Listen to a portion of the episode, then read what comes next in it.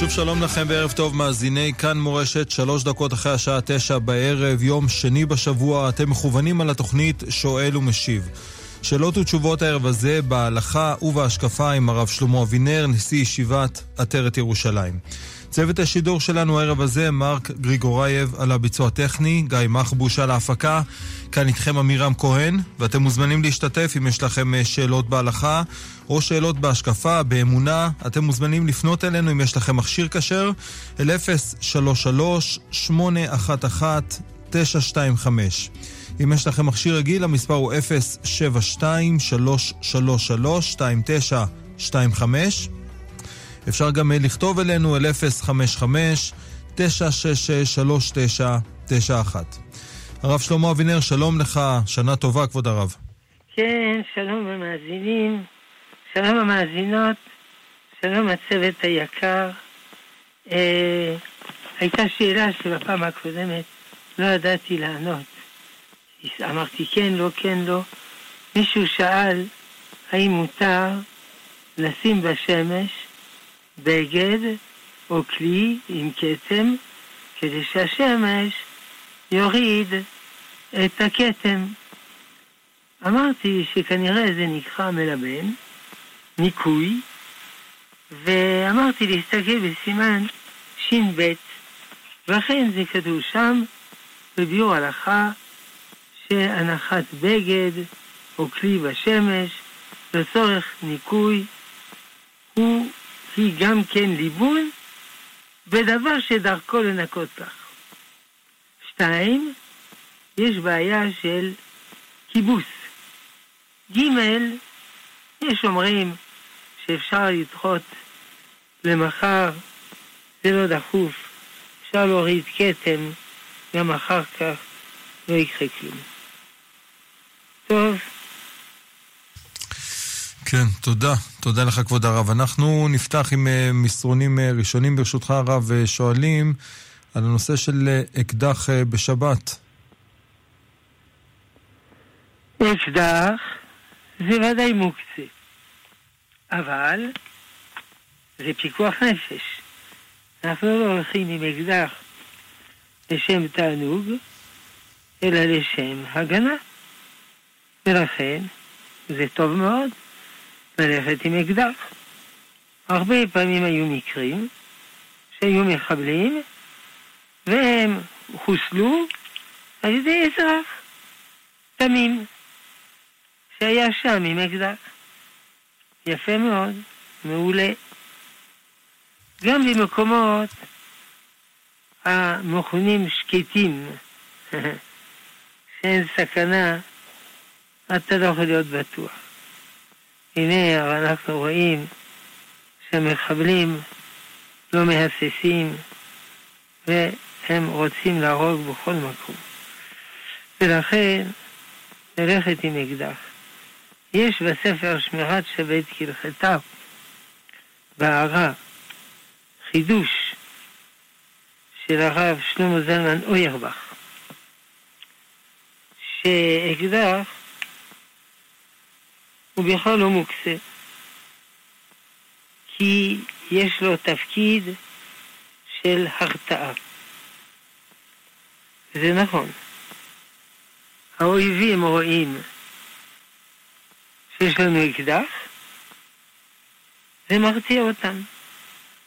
אם ככה, זה בכלל לא מוקצה.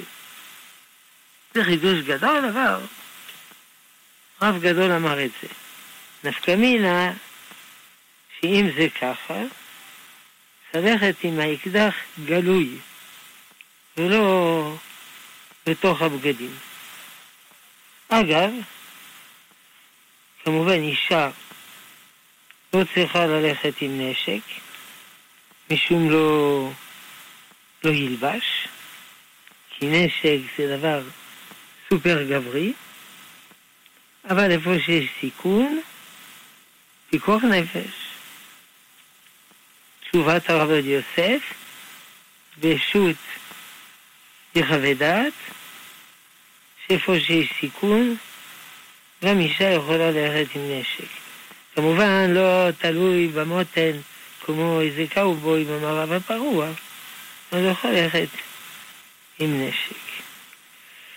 וכמובן, מי שיש לו נשק, לשמור עליו היטב, לא לשכוח אותו, וכולו וכולו, שלא תהיינה תקלות. כן. ונשמרתם עול לנפשותיכם. תודה, כבוד הרב. יישר כוח. אנחנו ממשיכים עם עוד uh, מסרונים. שואלים לגבי אכילה של uh, מאכלים שהם מזיקים, האם uh, נכון שלא לברך עליהם? זה לא מצאנו. מי שאוכל איסור, זה שאלה אחרת. בוצע ברך, נעץ השם. הוא, הוא, הוא נועץ והוא מברך. אבל מזון לא בריא, לא מדובר פה שאדם שותה רעל, אלא מזון לא בריא זה אם אדם מתמיד בזה. אבל אם זה חד פעמי, לא קורה כלום. אפילו הסוכר, שהוא הרוצח הכי גדול על פני כדור הארץ, ולצערנו מדינת ישראל היא מהמדינות הראשונות ב-OECD עם, אה, עם סכרת 2, לצערנו. אה, אה, בכל זאת, אם אדם אוכל סוכריה אחת, לא יקרה כלום. הבעיה, אגב, זה גם כרוך בכריתת גפיים. בקיצור, להיזהר מאוד ולא לאכל את זה. אבל אם לך אדם אחד סוכריה אחת, לא יקרה לו כלום.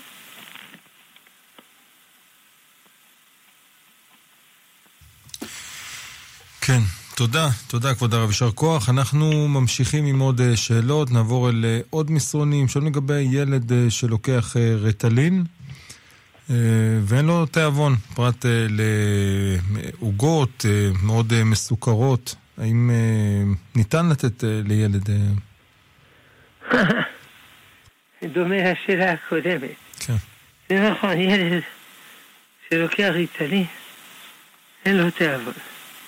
ולכן, הפתרון הוא לתת לו לאכול לפני הריטלין. ואף על פי שהוא לוקח את הריטלין לפני התפילה, שחרית, ולפני תפילת שחרית לא צריך לאכול.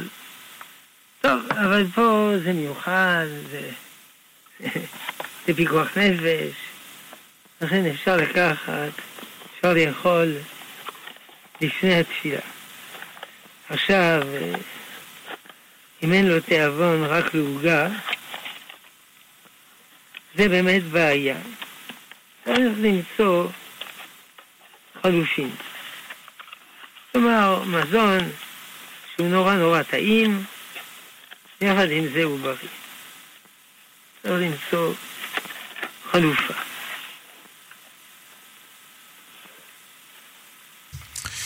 תודה, כבוד הרב. אנחנו ממשיכים ברשותך עם עוד אה, שאלות. אה, שואלים לגבי אדם שנמצא בשנת אבל, אה, לגבי יום הכיפורים. האם לא אומרים מזכור וצריך להדליק נר נשמה? האם ביום הכיפורים צריך להדליק נר נשמה? ולא לומר יזכור. ודאי אפשר להדליק נר נשמה. למה לא להדליק נר נשמה? לא לומר יזכור, כן לומר יזכור. לכל אחד. שאלות מהסוג הזה, שאלות טובות.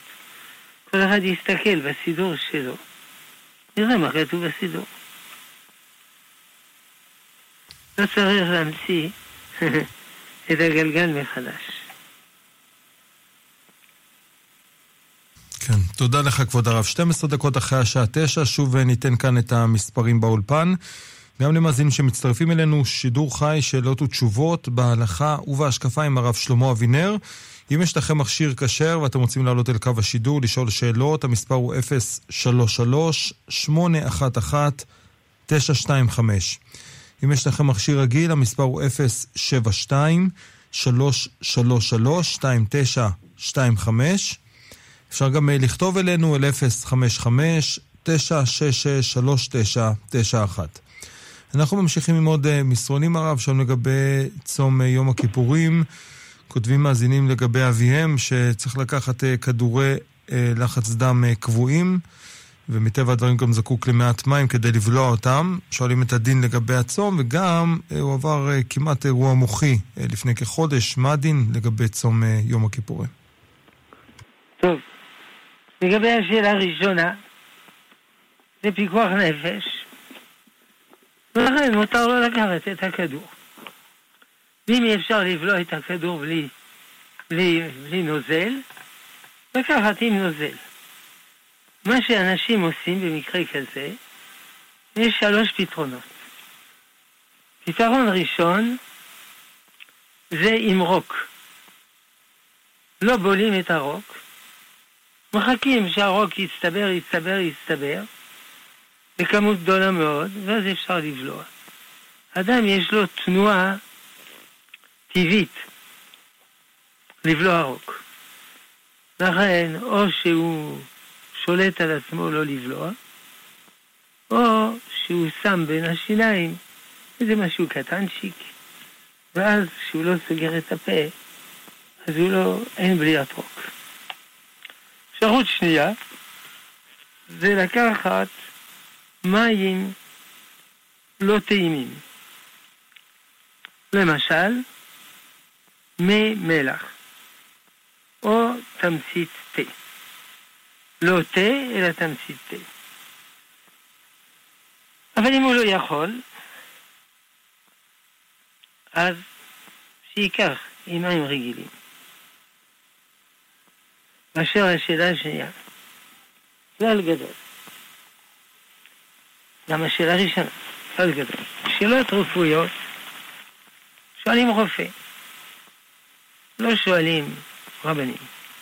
רבנים הם אנשים גדולים וזה זה זה, הם אינם רופאים.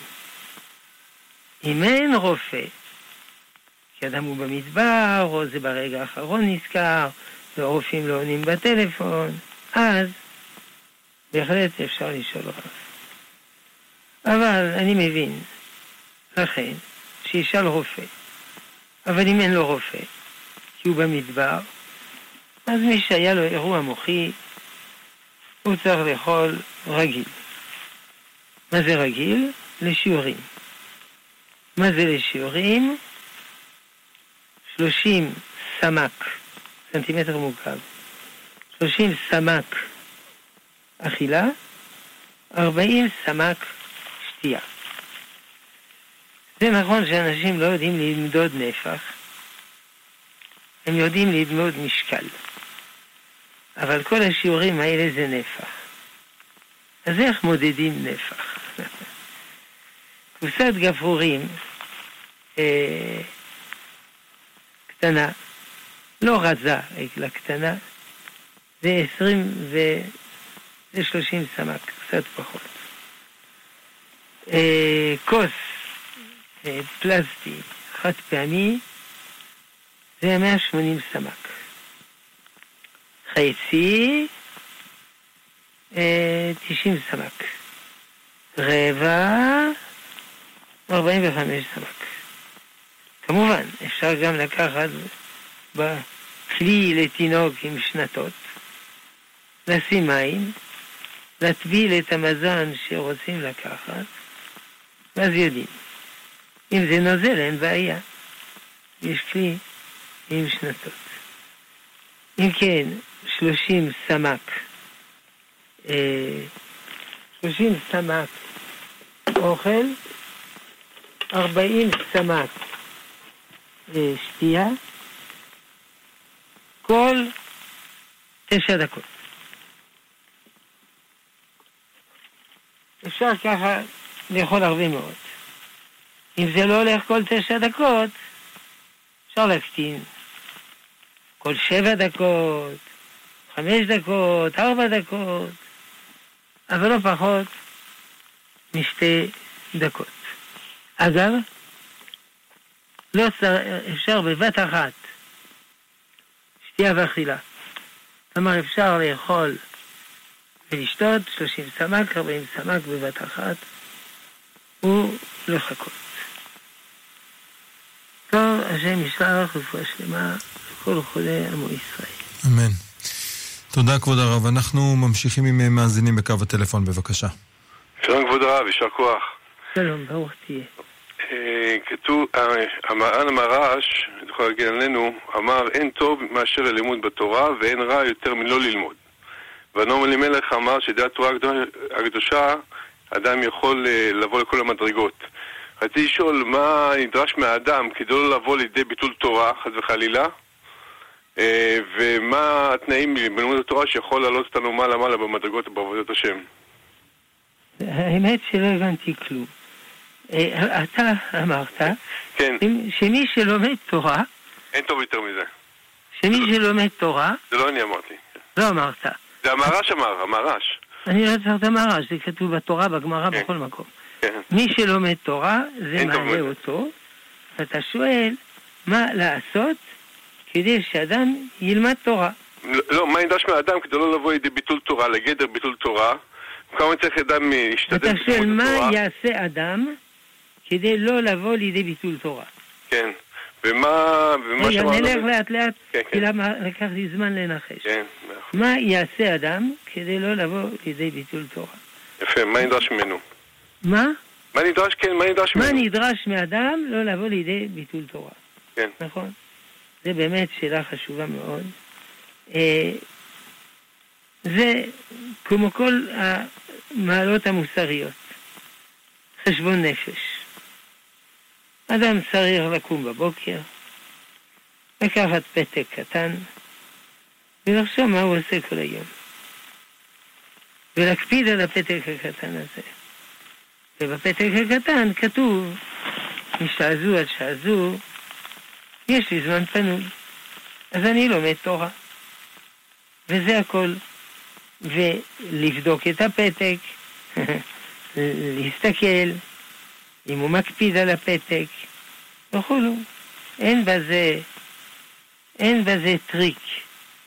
עד היום הזה אף אחד לא מצא פטנט איך לתקן מידותיו, אלא על ידי לימוד ועל ידי חשבון נפש. יש הרבה ספרי מוסר שמטפלים בזה, כגון ספר מסילת ישרים, אבל אפשר גם ספרים אחרים. זאת הייתה השאלה הראשונה החשובה, איך לא להגיע לידי ביטול תורה. אפשר גם עוד משהו לעשות. להתחבר עם אנשים שלא מבטלים תורה. איך קוראים במדינת ישראל אדם שלא מבטל תורה? חרדי. חרדי זה בן אדם, בין השאר, זה שני דברים חרדי, מקפיד על קלה כחמורה, ולא מבטל תורה. זמנו הפנוי לומד תורה. יש כאלה המון המון אנשים. אפשר להסתכל עליהם וללמוד מהם. זה החרדים. קנה לך חבר, שכן טוב, חבר טוב, תראה איך הם מתנהגים, ותחכה אותם. חיקוי, לא חיקוי קופי כמובן, חיקוי אמיתי, קדוש וכו'. אה, מה הייתה השאלה השנייה? שכחתי. הנועם אלימלך אמר שאפשר על ידי לימוד התורה להגיע לכל המדרגות בעבודת השם. אה, מה התנאים לכך שאדם יעלה מעלה מעלה במדרגות עבודת השם בלימוד תורתו? אני יודע, אולי... אה, אני לא חושב שיש תנאי. אגב, זה שוב לא המצאה של הנועם אלימלך. מצאת את זה שם, אשריך. אבל זה לא המצאה של הנועם אלימלך שעל ידי לימוד תורה מתעלים. זה כבר כתוב בתורה, אצל חז"ל וכו'. עכשיו, מה התנאי שעל ידי לימוד תורה אדם מתעלה? הוא צריך ללמוד הרבה תורה, וכמובן, הוא גם צריך לקיים. זה לא מספיק ללמוד, צריך לקיים. עכשיו בספר, אה, בפרקי אבות פרק ו', יש 48 אה, דברים שדרכם התורה נקנית. כדאי לקרוא את זה עוד ועוד ועוד ועוד. אבל כמובן, הדבר הראשון מבין אה, 48 דברים זה לימוד, סיכום. אם אדם רוצה להתעלות על ידי לימוד תורה, מה הוא צריך לעשות? ללמוד תורה ולקיים מה שהוא לומד. זה הכל. כמובן זה לא ביום אחד, אבל זה אפשרי. הרמב"ם כותב בהלכות, אה, בהלכות תלמוד תורה פרק ג' כתר כהונה זרע אהרון. כתר מלכות זרע דוד. כתר תורה כל הרוצה לבוא וייטול, ייטול. שנאמר תורת זיון למשה, פרשת האזינו, מורשה קהילת יעקב. כלומר, יש רק תנאי אחד כדי להפך לתלמיד חכם, לרצות. ולשקוד על לימוד תורה. ללמוד וללמוד וללמוד. ולא להיות בטלן, להתעסק בכל מיני דברים. נזכה להתגבר, בזמן. אמן. תודה, כבוד הרב, תודה. יישר כוח, אנחנו ממשיכים עם עוד מאזינים, בבקשה. ערב טוב הרב, גמר חתימה טובה. שנה טובה. אורך ימים ושנות חיים. מאוד מאוד נהנים לשמוע את uh, כבוד הרב.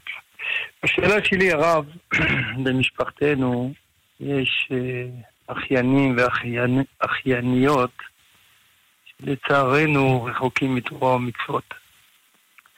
במפגשים שונים של בני המשפחה, תמיד אני מתלבט באיזה, באיזה נושא ביהדות לפתוח ולשוחח איתם על מנת לקרב אותם כמה שיותר בצורה הכי טובה ובצורה הכי נעימה.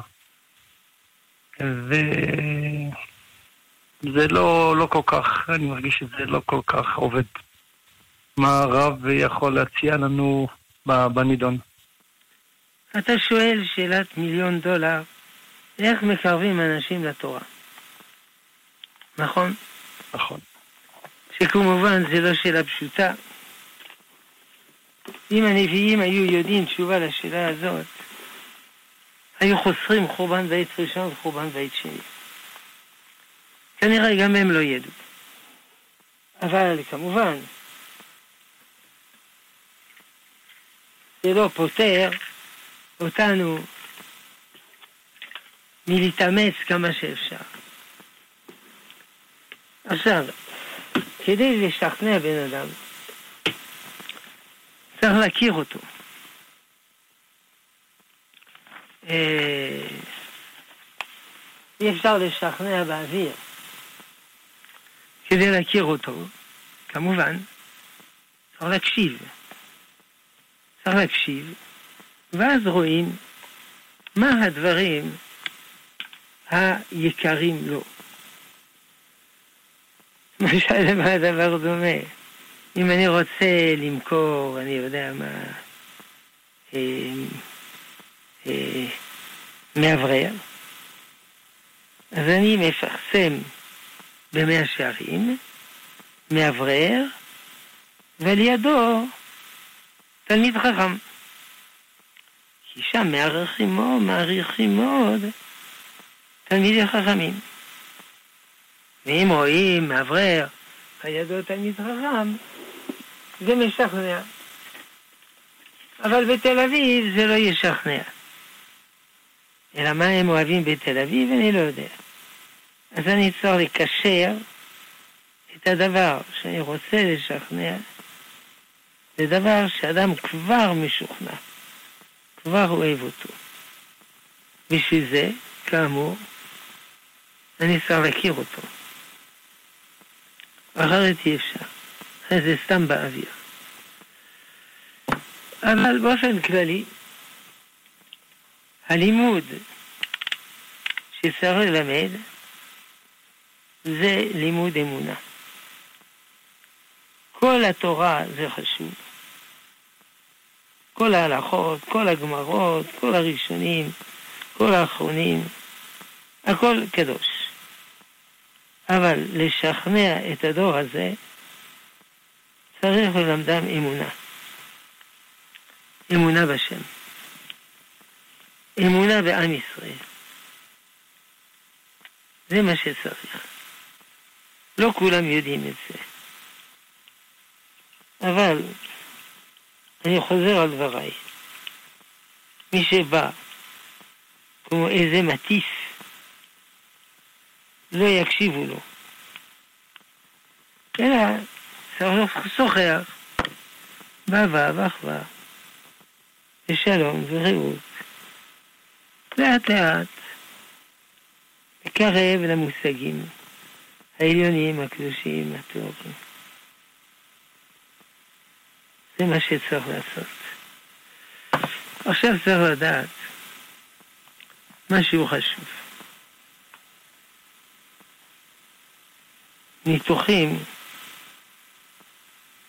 של הרב קוק. ניתוחים של הרב קוק, למה יש כפירה? אז הוא מביא שתי תיאוריות. התיאוריה הראשונה, כפירה מדעית. כלומר, האמונה סותרת את המדע.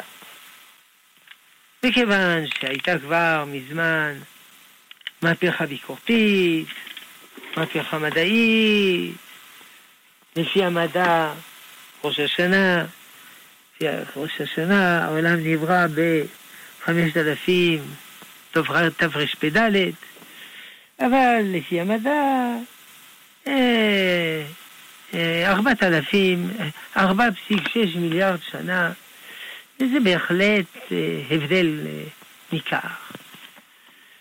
לכן, אם זאת הסיבה, שיש לו סתירות בין הדת והמדע, צריך לתרץ את הסתירות.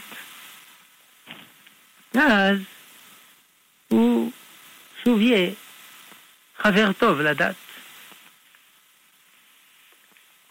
אה, הוא דן בזה בספר אה, עדר היקר, אבל הוא אומר זאת לא הסיבה. לתרץ סתירות מדעיות זה עבודה קלה. זה לא עבודה קשה. אלא הוא מזכיר דבר שני, שנקרא כפירה מוסרית.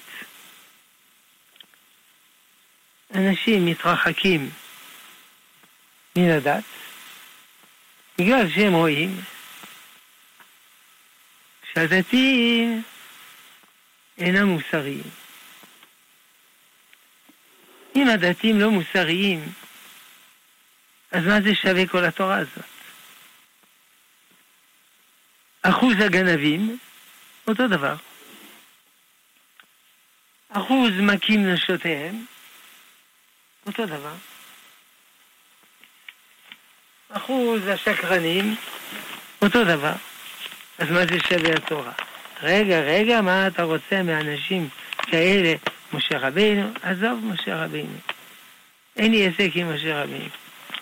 יש לי עסק עם האנשים האלה, ואני רואה שלצערנו הם לא מוסריים. תשאלו עובדת סוציאלית, מניסיונה, הדתיים יותר טובים מהחילוניים. לא כל כך ברור. אה, אז אם ככה, הפתרון פשוט. אל תתקן אחרים, תתקן את עצמך. שאנחנו נהיה מוסריים. אני כשהייתי בצבא, בטירונות, ובמלחמת ששת הימים, כל המחלקה היו חילונים. כמובן, לא שכנעתי אף אחד. התנהגתי כמו שאני יכול, כמה שאני יכול, בצורה הגונה. יום אחד הצטרף דתי אחד, שהיה גם שוחט. יפה מאוד. אמרו לחילונים, אתה יודע, הבן אדם הזה, הוא לא עוסק בשחיטה, הוא עוסק בשחיתות. זה הרושם שהוא עשה עליהם. אז, אז מה, מה אתה בא בטענות שהוא לא דתי? פעם מישהו שלח לי, היה אחד, אה, אחד אה, עורך דין מפורסם, שופט, שופט, חיים כהן, שהיה דתי ונעשה חילוני. אדם מבריק, מוכשר, בלה בלה בלה. וכתבו עליו ספר, ראיינו אותו, יפה מאוד. הוא למד במרכז הרב. איך היה במרכז הרב? נפלא. איך היה הרב קוק? נפלא. הרב ציודה קוק? נפלא. אז למה זרקת את הדת? התחלתי לעבוד בתור, בתור עורך דין אצל ציבור דתי. וראיתי תמונה אחרת. ואמרתי, אם זאת הדת, אז אני נותן לה גט כריתות. מה נענה לו? אני לא יודע מה נענה לו. כמובן, זה לא המצאה של הרב קוק. זה כבר כתוב ברמב"ם הלכות יסודי התורה, פרק ה', ובגמרא יומא פ' ה'. הכי דמי חילול השם. מה זה חילול השם? חילול השם, אומרת הגמרא, זה בן אדם שהוא לומד תורה, ברוך השם, אבל אין דיבורו בנחת עם הבריות. הוא מעליב אנשים. הוא מדבר לשון הרע אל אנשים. ואין משא ומתנו באמונה. הוא לא ישר ועסקים. מה הבריות אומרות? אוי לו למי שלמד תורה. הוא זה שלמד תורה. כמה מעשיו מקולקלים, ודרכיו מכוערים, משהו כזה. ומה זה קידוש השם? אדם הוא לומד תורה, אה, שכחתי. האדם הקודם, מה הבריות אומרות? אוי לו למי שלמד תורה. אוי לו לאביו שלימדו תורה. אוי לו לרבו שלימדו תורה, תראו מה יצא ממנו. אבל אם אדם הוא לומד תורה, ודיבורו בנחת, ומשא ומתנו באמונה, אמונה הכוונה נאמנות בעסקים, מה הבריות אומרות? אה, אשרי מי שלמד תורה, אשרי רבו שלמדו תורה, הוא זה שלמד תורה, כמה מעשיו מתוקנים ודרכיו טובים, ונמצא שם שמיים מתקדש. פעם היה תלמיד אצלנו בישיבה, אמר, תראה, אני הולך לצבא, שלוש שנים, תגיד לי איך לעשות קידוש השם. אמרתי לו, אל תעשי קידוש השם. תהיה נורמלי. אחרי שהוא גמר צבא, הוא אמר, הבנתי. ראיתי חילונים שעושים קידוש השם. הבנו את העיקרון, לצערנו. טוב. כן, תודה. תודה לך, כבוד הרב. יישר כוח על התשובה, ואנחנו ממשיכים ברשותך עם אה, מאזינים נוספים, בבקשה. הלו? כן, שלום המאזין. שלום, שלום, שלום. הרב. Uh, השאלה היא, לפני כמה חודשים שמעתי אותך שאתה אומר שהתורה ניתנה בגבורה, ולכן צריך להיות uh, גיבור. ואנחנו רואים שלא כל האנשים גיבורים. אנחנו רואים שהרבה אנשים הם אה, עם אופי חלש. זה, זה השאלה. לא הבנתי מה השאלה. התורה השאלה אומרת... היא, אה, שחייבים להיות גיבור, ואנחנו, אבל הגיבור זה, כמו שבצבא, הרי לוקחים גיבורים ל- לסיירת בצל, כן? ויש אנשים שהם לא גיבורים, לוקחים אותם ל... ל... להיות עובדי רס"ר, אני יודע מה, או בשלישות. התורה, אז, אז לא כל, כל אדם הוא גיבור, והתורה ניתנה בגבורה, ואתה אמרת שצריך, חייבים להיות גיבור בשביל לקיים מצוות ולעסוק בתורה. התורה רק אומרת... שמעתי אותך. התורה אומרת לאדם שהוא חייב להיות גיבור. אבל עדיין יש לו בחירה חופשית. אם להיות גיבור או להיות סמרטוט. כדי להתגבר על יצר הרע, צריך להיות גיבור. גיבור במובן המוסרי, כן? גם אם הוא חלש וחולה ומסכן ורזה, אז הוא צריך להיות גיבור. אבל הקדוש ברוך הוא אינו כופה על האדם להיות גיבור. זאת אומרת, השאלה שאתה שואל היא שאלה מאוד כללית. הקדוש ברוך הוא אומר לשמור שבת, אבל יש אנשים לא שומרים שבת. הקדוש ברוך הוא אמר להיות צנוע, ויש אנשים לא צנועים. הקדוש ברוך הוא אמר להיות גיבורים, ויש אנשים לא גיבורים. נכון מאוד מה שאתה אומר, כי יש לאדם בחירה חופשית, וזה יסוד כל התורה כולה. נכון מאוד. כן, תודה. תודה, כבוד הרב. יישר כוח. ממשיכים עם עוד מאזינים, בבקשה. ערב טוב. ערב טוב. אה, ביום טוב האחרון היה שאלה, האדם שהניח את הפלטה שלו על הגז, והוא רצה לבשל ביום טוב, הוא רצה להוריד את הפלטה. אז התחלנו לדון האם פלטה זה כלי שמלאכתו לאיסור, ואז יהיה מותר לצורך גופו או מקומו, או שזה מוקצה מחמת גופו, אבל כיוון שזה אש, אז כמו שאפשר לטלטל נר, אז גם יהיה אפשר לטלטל את הפלטה. מה ההלכה בזה? אתה שואל, האם פלטה זה מוקצה, נכון? לא רק איזה, שזה מוקצה, איזה מוקצה זה? כן, אתה שואל האם פלטה זה מוקצה. ודאי שזה מוקצה. זה כלי שמלאכתו לאיסור, כי עם פלטה מבשלים. אבל כיוון שביום טוב מותר לבשל, מצווה לבשל, ולכן מותר בשבת, ביום טוב, להזיז את הפלטה, פשוט מאוד. כן, תודה. תודה, כבוד הרב. אנחנו ממשיכים עם אה, מסרונים, ברשותך, הרב, ושואלים, אה, האם מותר אה, בשבת לרחוץ ידיים בכיור שנמצאות שם נמלים? אה, ואי אפשר להרוג אה, נמלים, כמובן. אבל יש שני דברים. אם הוא נוטל ידיו כזהות, וזה לא בטוח שיהרוג נמלים, זה נקרא הדבר שאינו מתכוון, וזה לא פסיק רשע. לכן זה מותר.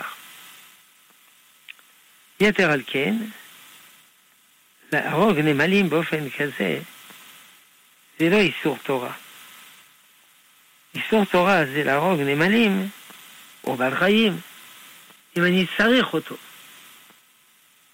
אני יודע, אני צריך את הבשר שלו, את העור שלו, אבל פה אני לא צריך את הנמלים. לכן זה איסור דרבנן. כמובן, גם פסיק רשע באיסור דרבנן, אומנם זה שנוי במחלוקת, אנחנו פוסקים שאסור. לכן בהחלט האדם הזה הוא בבוץ. הוא לא יכול ליטול שם ידיים, אלא אם כן הוא עושה את זה בזהירות, שזה לא בטוח שהוא יהרוג נמלים. מה זה נקרא? שזה דבר שאני מתכוון, ואינו פסיק רשע.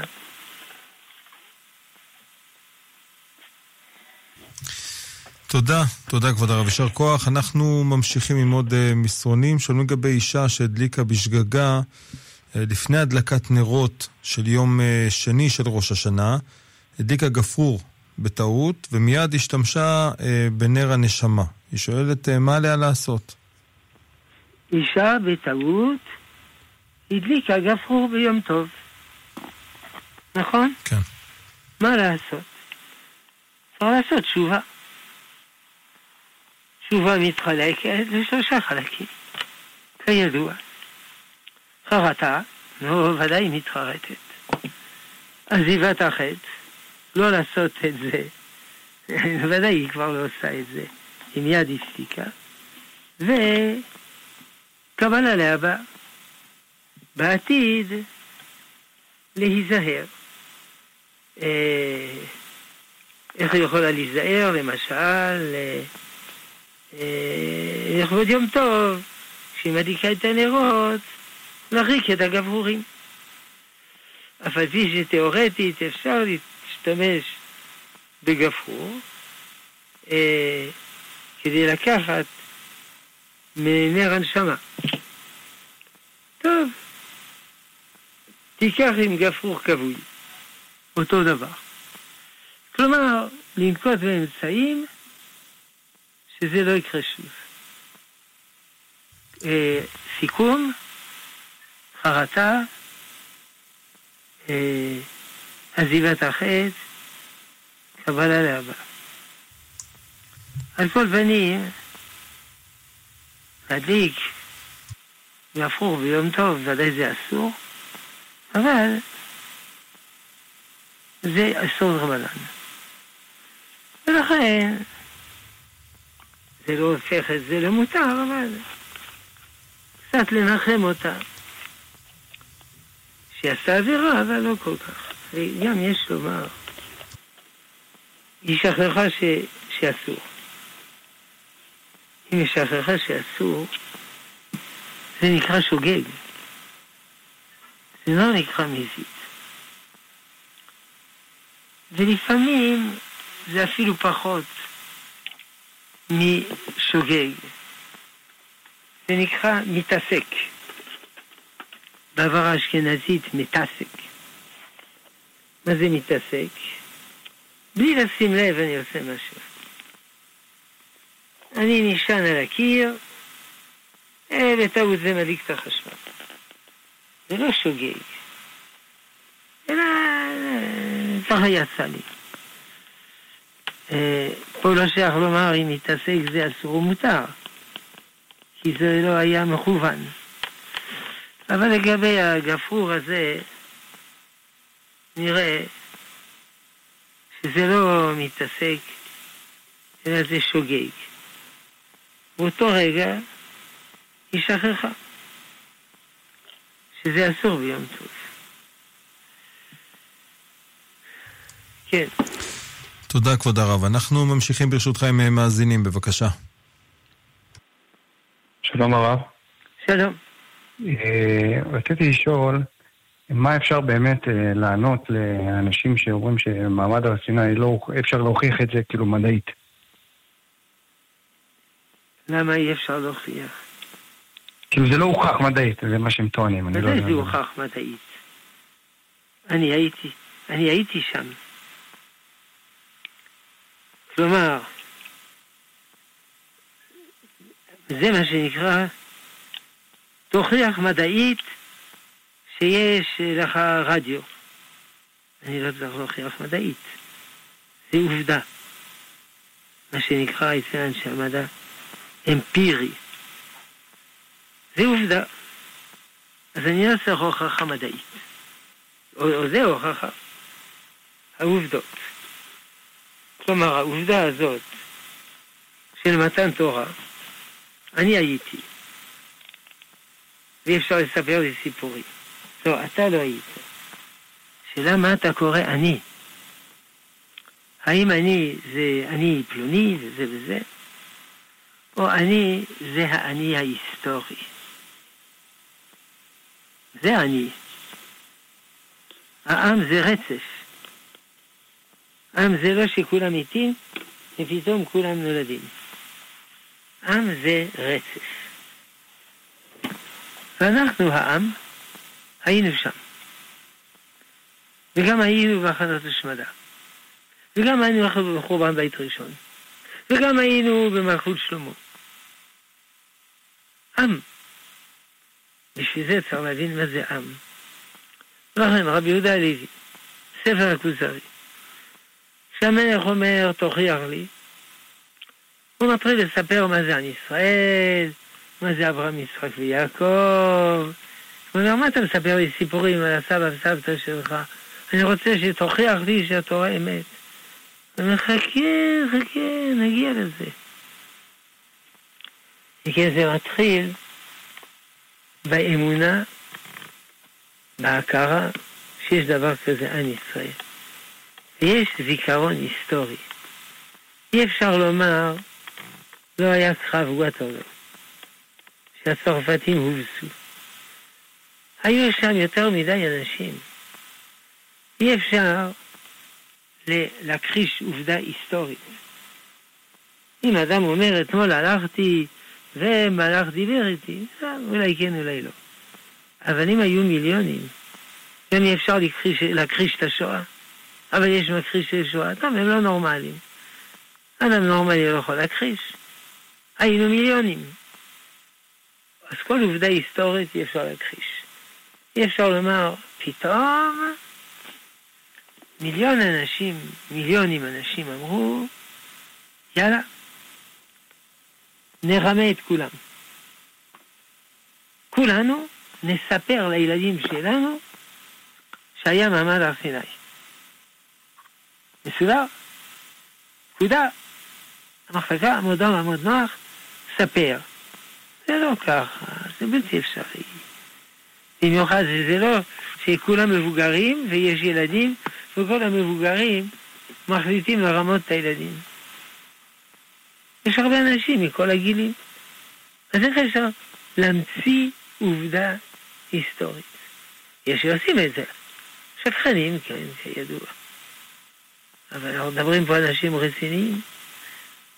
אולי לא הייתה מלחמת עצמאות. אולי אנחנו תקפנו, תקפנו כל מדינות ערב מסביב שהיו חמודות ושקטות וזה. בוודאי אפשר לספר שקרים. אבל אדם ישר, הוא יודע שזה לא כך. בקיצור, יש שלוש אפשרויות. אומר הרמב"ם באיגרת, להוכיח דבר. או הניסיון, או השכל, או הנבואה. דיברנו על הניסיון, אמפירי, אבל גם השכל. מהר"ל תפארת ישראל פרק ט"ז. אתה מאמין בשם? כן. אתה מאמין שהעולם שלנו הוא עולם נפלא, הרמוניה נפלא? נפלא. אז מה אתה חושב? העולם הפיזיקלי הוא הרמוניה, והעולם המוסרי, אנדרלומוסיה, כי אין הדרכה אלוקית. הפקיר את העיקר, זה לא יכול להיות. לא, לא, לא, אנשים ימצאו לבד. כן, אומר המהר"ל, אני יודע מה שעושים לבד. אפלטון, שהוא גאון גאוני הפילוסופים, המציא לבד נישואים קבוצתיים. כל עורכי הדין עם כל עורכי הדין, כל דברים מושחתים. הוכחה שלישית, נבואה. נבואה זה קיים. אם נביא אומר לי משהו, אני מאמין לו. איך אני יודע שהוא נביא? זו שאלה טובה. אז יש דרכים איך לדעת אם מישהו נביא. הרמב"ם אומר בהלכות יסודי התורה, פרק, לא זוכר, אולי חטא. משה רבינו, לא האמנו. בהתחלה, איך אנחנו יכולים לדעת שהוא נביא אמת? בשביל לא גורר אותנו להכפתקה מאוד מסוכנת. לקח לנו זמן להשתכנע שהוא נביא. עד אז, אומנם הוא עשה הרבה ניסים. אמרנו, אולי זה ניסים, אולי זה טריקים. לא דחינו לסף, אבל לא, לא קיבלנו. עד שבסוף התברר שהוא נביא. מאז היו בעם ישראל 60 ריבון נביאים ו-60 ריבון נביאות. מיל, מיליון, מיליון 200 אלף נביאים ונביאות. עכשיו אין, אבל היו. לא רואים שהוא נביא. אנחנו אנשים מאוד ביקורתיים, מאוד מאוד מאוד. זה נביא. אז יש לנו הוכחות שכליות, שנמצאות נגיד בספר תפארת ישראל למהר"ל. יש לנו הוכחות אה, אמפיריות, שהיינו שם, ויש לנו הוכחות נבואיות. הנביאים אמרו לנו. אבל האמת היא שאנחנו לא זקוקים להוכחות. הדור הראשון היה זקוק להוכחות. אנחנו לא. אנחנו מכירים את התורה כבר אלפי שנים. אנחנו צריכים הוכחות שהיא מן השמיים. למשל, למה דבר דומה? אה, ביתי היקרה, מי זה הבן אדם הזה? זה שידוך. זה בחור טוב? כן. יש לך הוכחות? תביא הוכחות. אה, לא יודע, תשאלי את השכנים שלו, את הרבנים שלו. לא, הוא צודק. הוא צריך הוכחות שזה בחור טוב. שיחה ב', ביתי, מה אתה עושה בן האדם הזה? בן האדם הזה? זה בעלי. הוא בחור טוב? יש לך הוכחות שהוא בחור טוב? מי מכיר אותו? מי יכול להמליץ עליו? אם אתה מדבר, אני נשואה איתו 30 שנה, אני יודעת שהוא בחור טוב, אני לא זקוק להוכחה.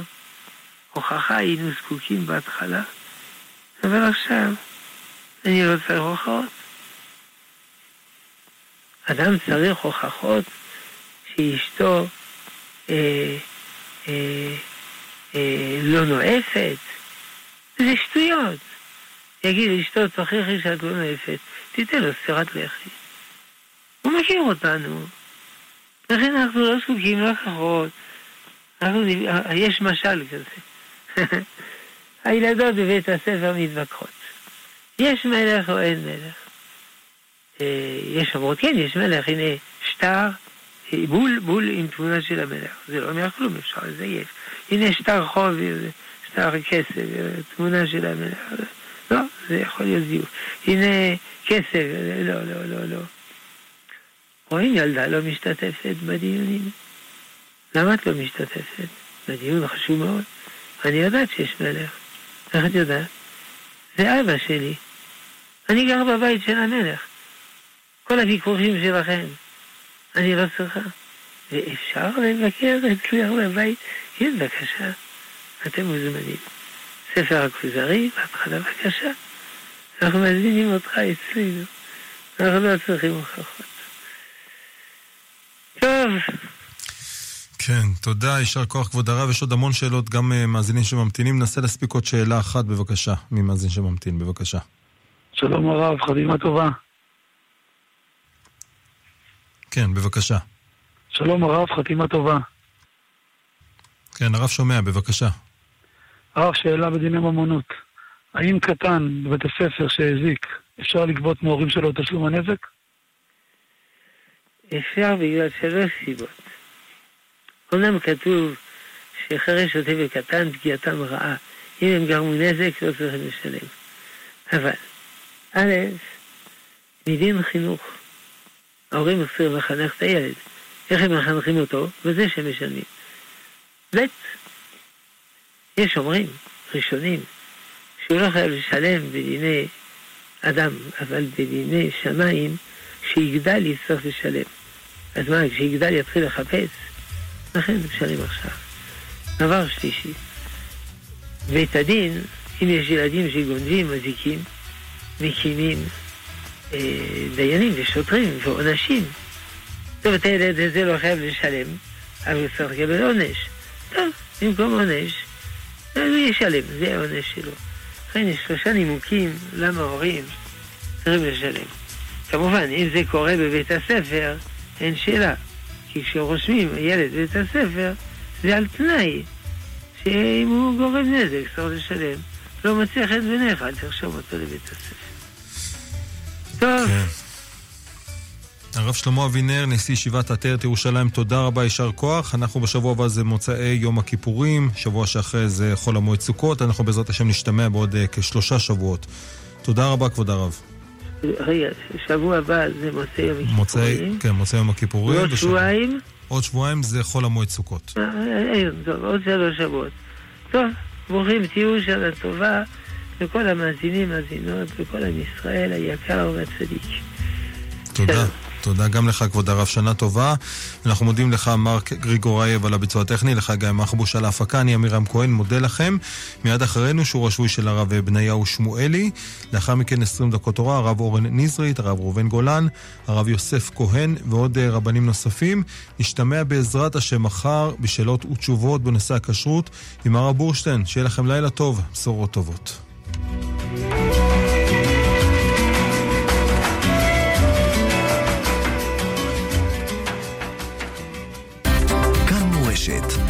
מיד חוזרים.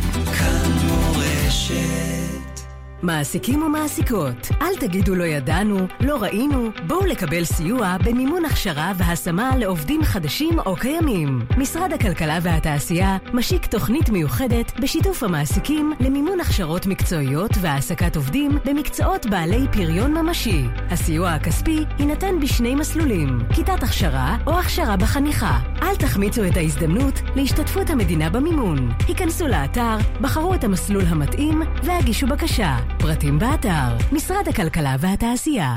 פסטיבל עולה עולה יאבלולו, איזו חגיגה! לקחנו מאכלי עדות מכל העולם, הוספנו סוכות עולים מקושטות, קישטנו במופעים ובמיצגי אומנות, נתנו בערבבת וחיברנו הכל לשלושה ימים של עם ישראל חי!